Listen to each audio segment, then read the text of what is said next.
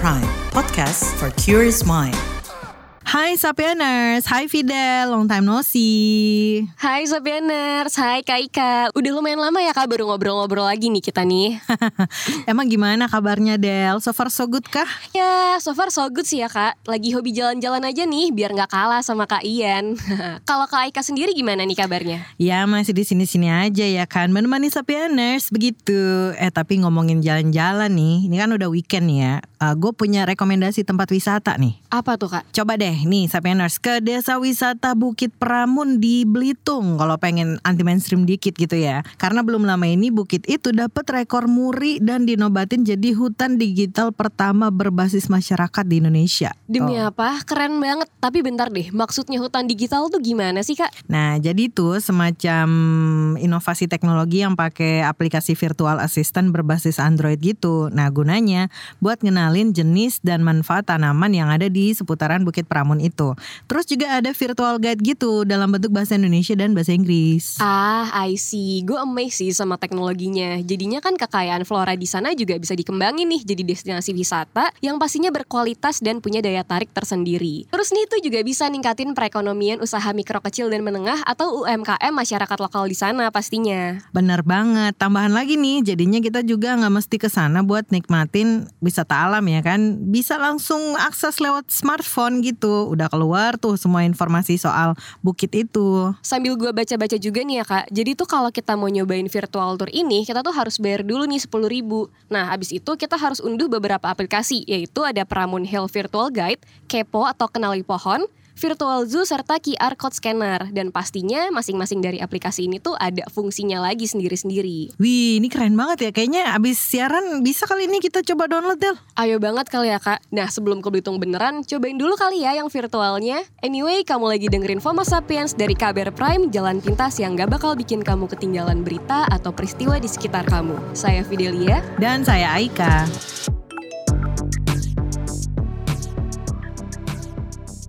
Kak Ika, Kak Ika, Hmm, coba deh lihat ini. Masa ada orang yang bikin stiker muka gue di WhatsApp? Mana jelek banget lagi gue mukanya. mana mana mana sini coba gue lihat. Eh, tapi lu udah tau belum kalau ngebuat stiker pakai wajah orang kan bisa kena pidana. Laporin Del. Eh, demi apa? Ya kurang lebih sih kayak gitu. Tapi kalau katanya Direktur Eksekutif Southeast Asia Freedom of Expression Network atau SafeNet, Damar Juniarto bilang nih, hal itu masih rancu karena nggak ada unsur pidana dalam perbuatan tersebut. Ah, sebenarnya gue juga nggak masalah sih kalau misalkan muka gue dijadiin stiker gini. Cuman kan gue pengennya ya muka gue yang bagus gitu biar kalau kesebar nggak malu-maluin amat.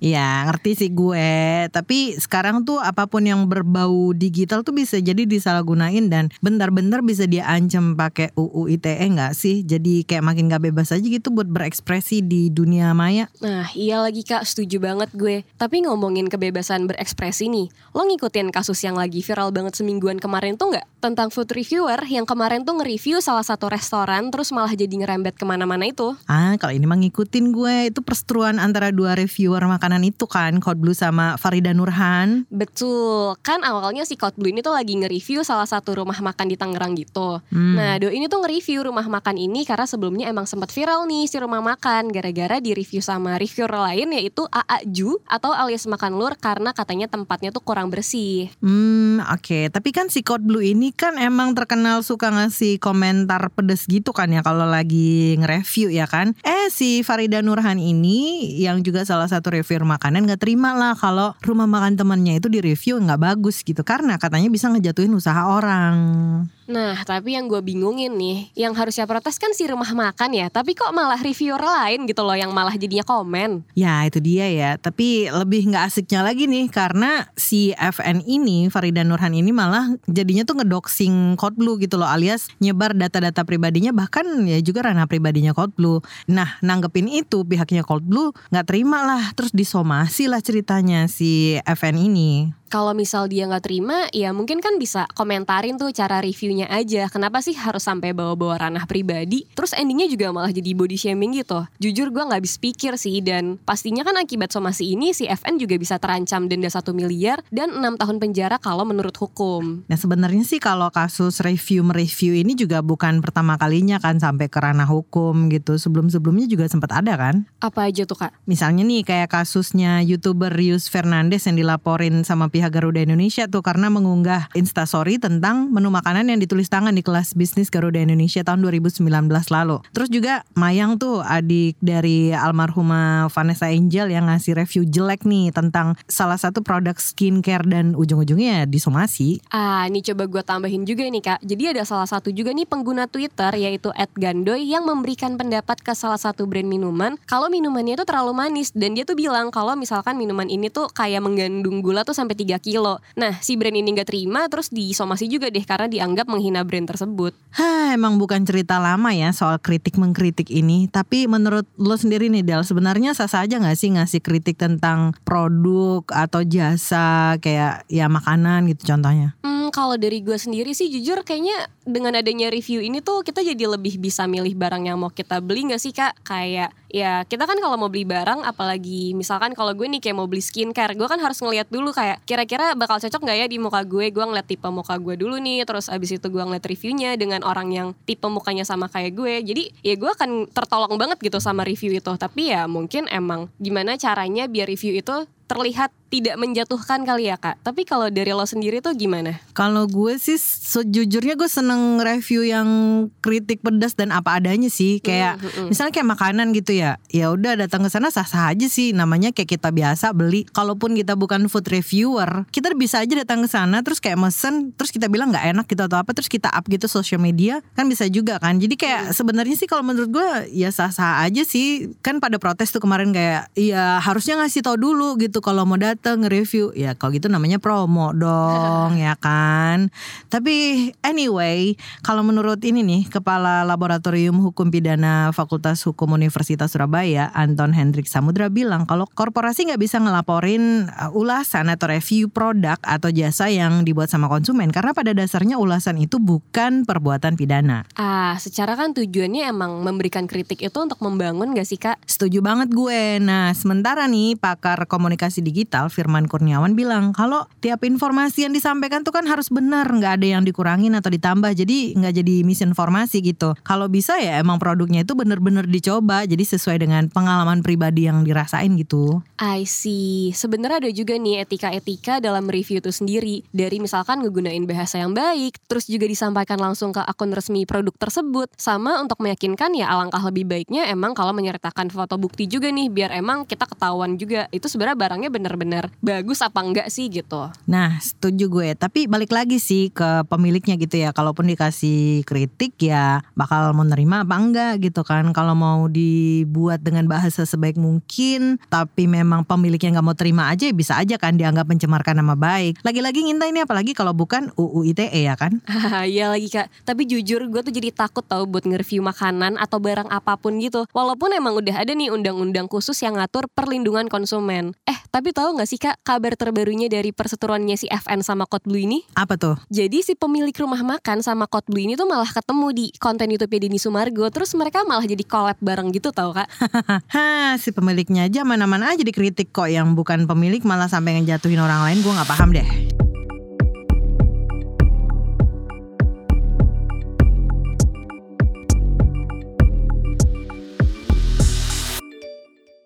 Del, dulu zaman masih kecil cita-cita lu apa nih? Sesuai nggak nih dengan passion lu sekarang? Hmm, jujur waktu gue kecil cita-cita gue tuh banyak banget. Jadi kayak tiap tahun tuh bisa berubah gitu tergantung mood gue.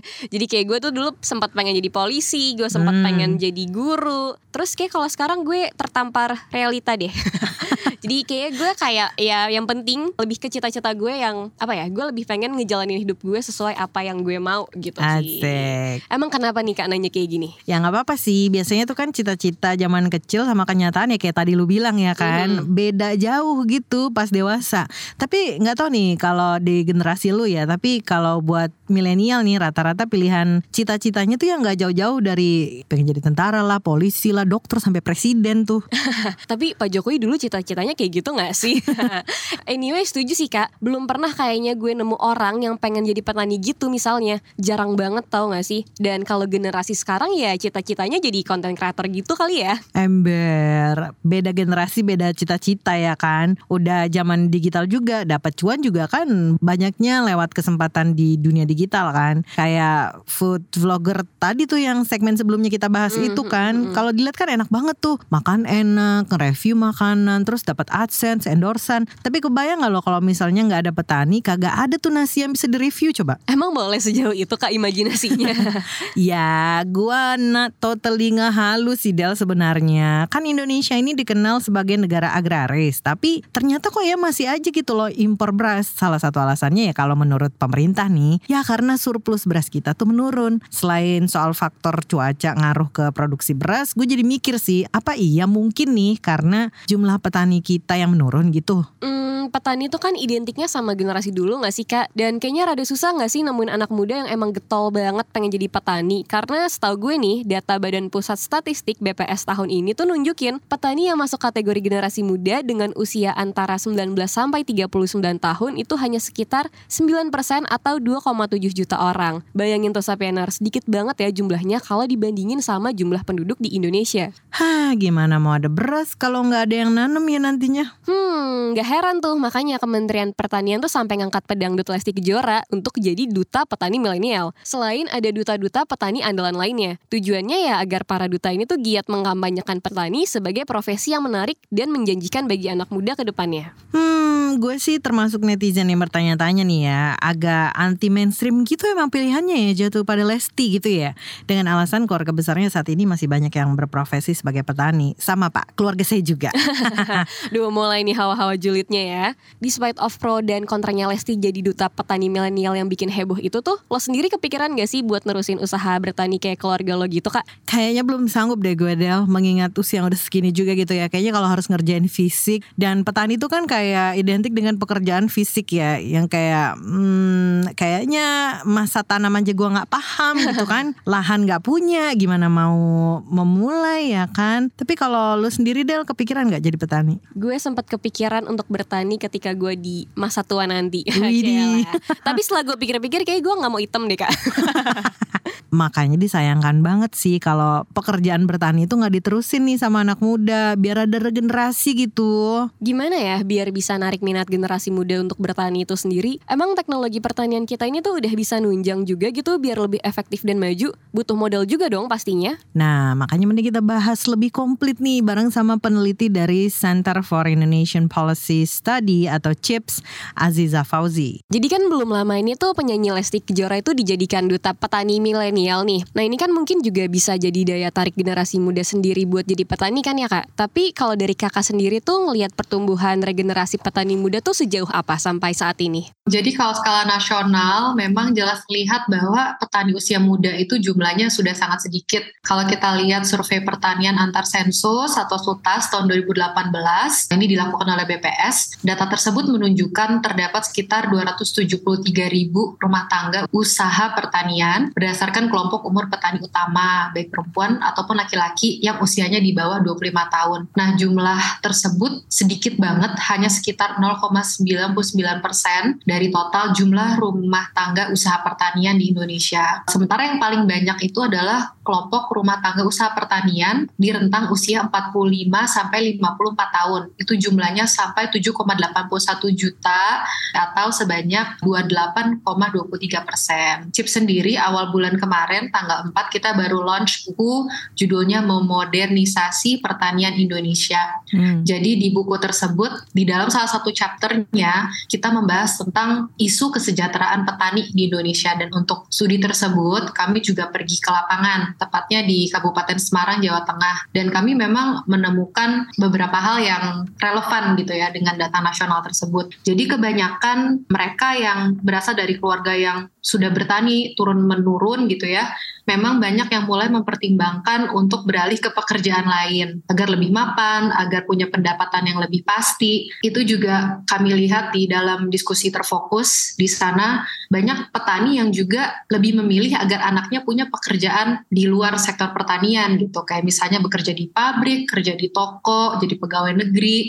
Jadi tidak melulu dari anaknya juga gitu, tapi dari orang tuanya juga yang memang menginginkan agar anak-anaknya bisa keluar dari sektor pertanian. Orang tuanya juga di dalam diskusi tersebut ya ada yang petani dan tidak ragu bilang bahwa oh nanti lahan yang mereka punya itu mau dijual aja ketika anak-anaknya dewasa gitu. Jadi mereka juga banyak yang tidak mengharapkan anak-anaknya bekerja di sektor pertanian. Mungkin itu juga bisa dilihat di tadi kita nyinggung Lesti Kejora ya. Hmm. Lesti Kejora kan memang kalau kita lihat-lihat memang background keluarganya petani gitu. Kemudian dia memilih untuk terus berkarir sebagai penyanyi gitu ya karena memang pendapatannya juga mungkin lebih pasti gitu dan memang realitanya petani di Indonesia sekarang punya pendapatan yang belum pasti. Tapi gimana Mbak ngelihat nih upaya pemerintah sejauh ini untuk ngedorong inovasi sektor pertanian gitu supaya dilirik nih sama apa petani-petani muda, anak-anak muda gitu kan. Apalagi sih yang kudu dilakuin gitu?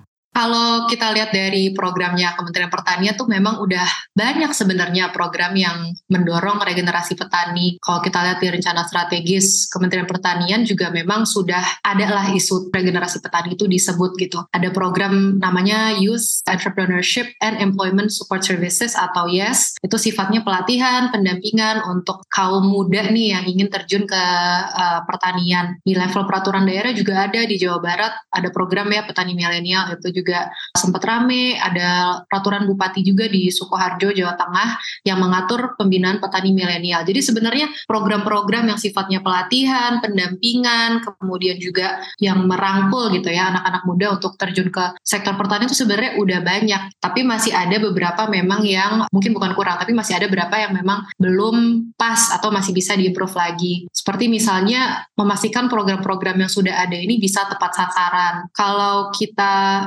melihat problemnya secara luas gitu. Sebenarnya kan ada problem yang lebih besar lagi ya, seperti misalnya petani Indonesia sekarang banyak yang susah mendapatkan pupuk gitu ya. Padahal itu salah satu input yang paling penting gitu di sektor pertanian. Selama ini bantuan pupuk tuh subsidinya selalu besar-besaran, tapi tetap aja gitu petani mengeluh pupuknya nggak tersedia nih, pupuknya langka, harganya mahal kayak gitu. Itu menunjukkan bahwa program bantuan pupuk itu belum tepat sasaran selama ini gitu. Jadi supaya regenerasi petaninya juga bisa sustainable, ya harus diimprove bagaimana caranya agar bantuan pupuk ini lebih tepat sasaran. Dan berdasarkan penelitian KIPS juga sebenarnya peningkatan jumlah subsidi itu tidak sebanding selama ini dengan peningkatan produktivitas pertanian yang diharapkan. Kemudian melibatkan peran sektor swasta dan peningkatan investasi. Jadi CHIPS melihat peran sektor swasta dalam sektor pertanian itu sangat penting. Dalam salah satu studi kita yang ada juga nih di bukunya, kita melihat bahwa keterlibatan sektor swasta dalam bentuk kemitraan dengan para peternak sapi perah efektif dalam memastikan penerapan teknologi dalam jangka panjang dan juga efektif dalam transfer teknologi ke para petani. Jadi kalau kita lihat sejauh ini memang pemerintah sering kali memberikan akses terhadap teknologi itu dalam bentuk cuma-cuma gratis gitu ya atau subsidi. Sayangnya berdasarkan studi kerap ditemukan bahwa teknologi yang bersubsidi, teknologi yang didapat secara gratis itu sifatnya semu, hanya efektif untuk memperkenalkan teknologi tersebut dalam jangka pendek aja gitu. Nanti secara panjangnya nanti tidak lagi dilakukan, tidak lagi diadopsi. Kira-kira tuh kalau buat jadi petani sendiri tuh mod butuh modal apa aja ya Kak? Karena kan sementara nih buat kita-kita yang tinggal di perkotaan tuh kan lahannya terbatas banget. Kira-kira tuh kita bisa mulai dari mana tuh Kak kalau mau mencoba? Oke, sejujurnya ini di luar ekspertis ya, tapi mungkin ini pendapat aku pribadi. Jadi udah banyak sebetulnya di perkotaan yang menerapkan sistem urban farming yang tidak memerlukan lahan besar, kemudian juga biasanya pakai hidroponik gitu ya. Itu udah banyak banget yang melakukan. Sepertinya juga udah banyak komunitas-komunitas yang menerapkan ini gitu ya. Di Bandung khususnya yang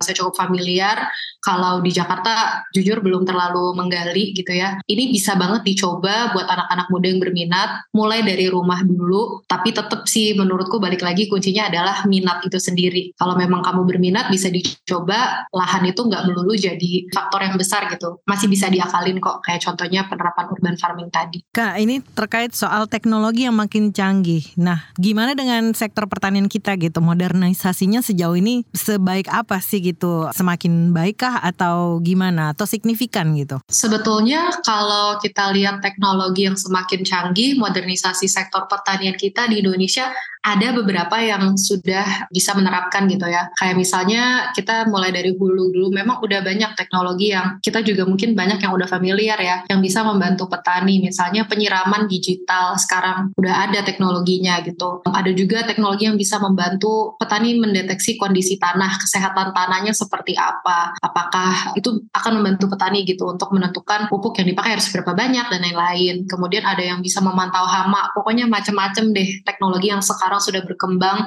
di Indonesia, karya anak bangsa juga keren-keren. Tapi sayangnya teknologi-teknologi kan masih mahal ya, jadi belum terjangkau gitu untuk para petani Indonesia yang biasanya masih kecil lahannya terbatas juga. Kemudian dihilir buat para petani yang udah melek digital, ya bisa gitu memanfaatkan e-commerce atau platform-platform yang tersedia untuk menjangkau konsumen. Ada juga kan ya kita lihat beberapa marketplace untuk produk pertanian. Tapi memang sayang sekali tidak semua, belum semua petani Indonesia itu kan melek digital ya. Jadi masih banyak juga petani-petani yang kebingungan misalnya punya produk mau dipasarkan ke mana gitu. Atau misalnya kayak waktu kita studi lapangan di Kabupaten Semarang itu juga sempat kami bertemu dengan petani yang sangat-sangat berminat gitu. Bahkan sudah belajar bagaimana caranya menerapkan pertanian organik gitu ya. Dia sudah research-research gitu. Tapi tetap belum tahu bagaimana memasarkan atau di mana sih yang kira-kira mau membeli produk pertanian organik.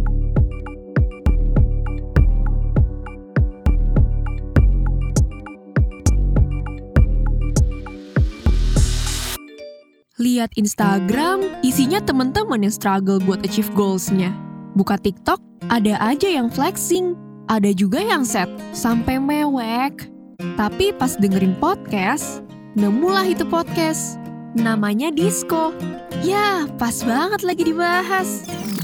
Kalau orang yang sudah biasa misalnya flexing, ketika nggak flexing kok kayaknya ada yang kurang gitu. Jadi cemas nih.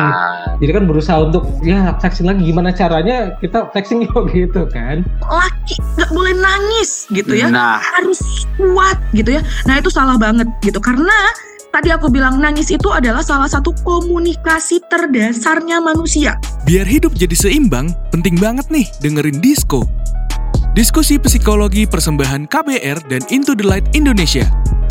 Yuk, hapus stigma, peduli sesama, sayangi jiwa. Disko, diskusi psikologi bisa disimak di kbrprime.id dan platform mendengarkan podcast lainnya.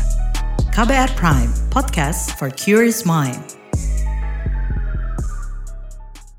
Kak Ika, ngegosip Hmm. yuk. Hmm, me gossiping? Hmm, No way. Apa? Siapa? Kapan? Di mana? Gimana? Spill dong. Ya gini nih, kalau ketemu biangnya gosip, nggak bisa disenggol dikit. eh, gosipin fakta sepekan aja mah kalau di FOMO Sapiens ya kan? Apa sih yang nggak buat Sapieners? Anyway, time to get serious nih kak. Gue salut banget sama Nadine Amizah yang speak up soal pelecehan yang baru-baru aja nih dialamin oleh dirinya. Asli. Oh iya, sempet trending juga kan di sosmed. Rekap dikit Del. Nah, Nadine tuh nge-spill kejadian lewat Instagram story-nya. Cukup panjang ya, jadi kita bisa kasih highlight dikit nih ya buat Sapieners. Hari Minggu lalu tanggal 24 September, Nadine tuh sempat manggung di Bandung. Dan karena memang jarak antara area panggung dan penonton itu deket banget dan rame banget, adalah oknum yang megang atau nyentuh badan Nadine. Ini nih yang kemudian bikin Nadine terganggu dan panik sampai akhirnya nyeritain tentang masalah ini di sosmednya dia. Hah, gue menyayangkan sih ya ada kejadian kayak gini. Walaupun mungkin biasanya nih apalagi dengan kondisi yang padat terus juga ada fans yang mungkin bisa dibilang fans garis keras atau apa yang kayaknya pengen deket gitu sama idolanya. Hal-hal kayak gini tuh memang bisa dibilang tricky lah untuk dihindari gitu. Tapi yang pasti nggak bisa dinormalisasi bahwa si public figure ini adalah manusia juga gitu yang Mhm. apa ya ya sedih aja gitu kalau misalnya lu ngefans nih sama orang. Biasanya ini kalau kita kan kita malah menjaga orang itu kan melindungi orang itu. Bukan malah kayaknya bertindak ya karena dia famous terus gue bisa aja nih megang-megang dia sembarangan. Nggak gitu juga sih konsepnya ya.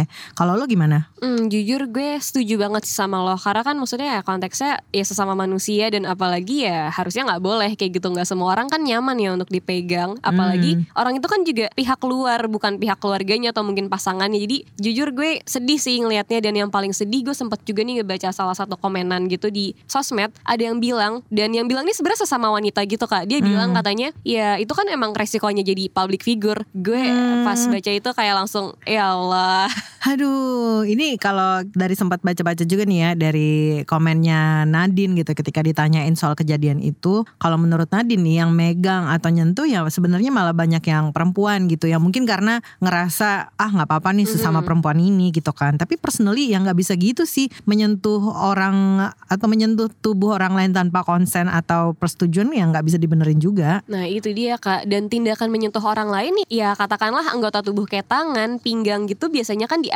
dianggap wajar nih Karena menunjukkan gestur yang akrab. Tapi belum tentu juga nih tiap orang kan nyaman Buat diperlakukan kayak gitu sesuai yang tadi gue bilang. Ya nggak hanya karena orang yang disentuh itu adalah public figure Terus kita jadi boleh nih sebagai fans buat megang secara bebas gitu. Ya nggak boleh ya Sapieners pastinya. BTW nih kalau menurut psikolog anak, remaja dan keluarga Sani Budiantini Hermawan, apa yang dialami oleh Nadine Amiza itu bisa dikategorikan pelecehan fisik atau physical harassment. Jadi Sani bilang kalau pelecehan fisik itu adalah sentuhan atau segala sesuatu yang menyentuh badan orang lain tanpa izin dan bikin orang itu ngerasa nggak nyaman gitu. Hmm, jujur gue setuju sih kak Karena gue pribadi punya teman-teman yang emang suka banget kayak Kalau misalkan kita bilang bahasa love language-nya tuh physical touch gitu Ah Tapi yes yes. kayak beberapa kalau emang gue kurang serak sama orangnya jujur gue nggak nyaman gitu untuk dipegang disentuh atau bahkan mungkin tiba-tiba dia ngerangkul gue atau dia yang kayak tiba-tiba meluk gue gitu. Hmm. cuman kan kadang kita kan harus bersikap baik ya ke orang gitu apalagi ke teman sendiri. Tapi kalau dari lo sendiri gimana tuh kak? Iya jangankan public figure ya kan Del ya. Gue nih misalnya jujur sih tergantung sama faktor kedekatan dengan orang yang nyentuh gitu. Handshake is fine lah buat orang yang baru kenal Atau tergantung kultur juga sih. Kalau ketemu teman yang orang asing kebetulan biasanya kan berpelukan kayak teletabis tuh masih bisa ditolerir ya kan Cipika-cipiki itu juga masih ya masih gray area lah Tapi gimana nih kalau sama sapieners? Idealnya tuh kan batasan interaksi antara manusia tuh sudah seharusnya sesuai dengan norma sosial. Ya nggak sih kak? Ya intinya sih bahwa tiap orang tuh punya boundaries yang beda-beda gitu Mau aman ya mending nanya dulu gitu ke yang bersangkutan sebelum nyentuh ya kan Sepakat. Oh ya, pas banget nih kita lagi bahas perkara pelecehan. Sapieners ngerasa nggak kalau pekan ini tuh ada aja perkara pelecehan seksual KS alias kekerasan seksual gitu. Dan beberapa viral dengan kasus yang beda-beda.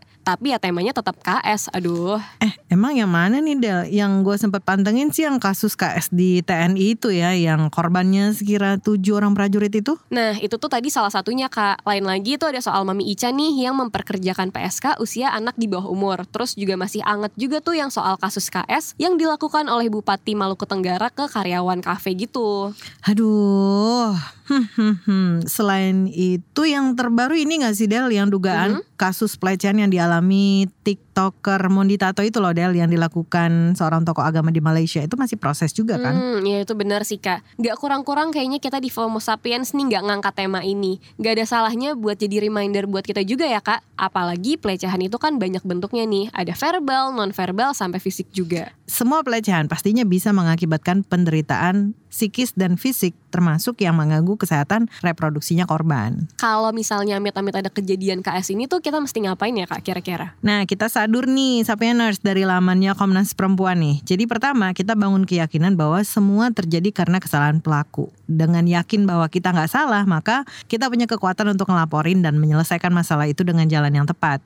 Nah kedua amankan bukti terkait pelecehan yang dialami. Entah itu mulai dari pakaian, foto, video atau barang apa pun deh yang bisa menjerat si pelaku itu. I see. Terus terus ada lagi nggak kak? Terus ceritain ke orang yang kita percaya dan bisa ngebantuin untuk menghadapi permasalahan itu. Lalu laporin ke pihak berwajib, terus datang ke layanan kesehatan untuk melakukan visum, sama minta pertolongan lembaga masyarakat terkait karena korban juga berhak meminta perlindungan negara. Kita juga udah punya nih UU TPKS juga ya Sapieners dan ada juga nih layanan pengaduan yang bisa jadi rujukan juga nih. Layanan pengaduan kasus kekerasan bentuk Kemen PPPA atau SAPA 129 yang bisa diakses lewat hotline 021 129 atau WhatsApp di 081 111 129 129. Hmm, atau ini nih ada namanya carilayanan.com itu direktori bantuan nih buat korban kekerasan berbasis gender di seluruh Indonesia yang dibikin sama perkumpulan lintas feminis Jakarta. Itu dulu buat pekan ini, saya Fidelia. Dan saya Aika, sampai ketemu pekan depan. Bye!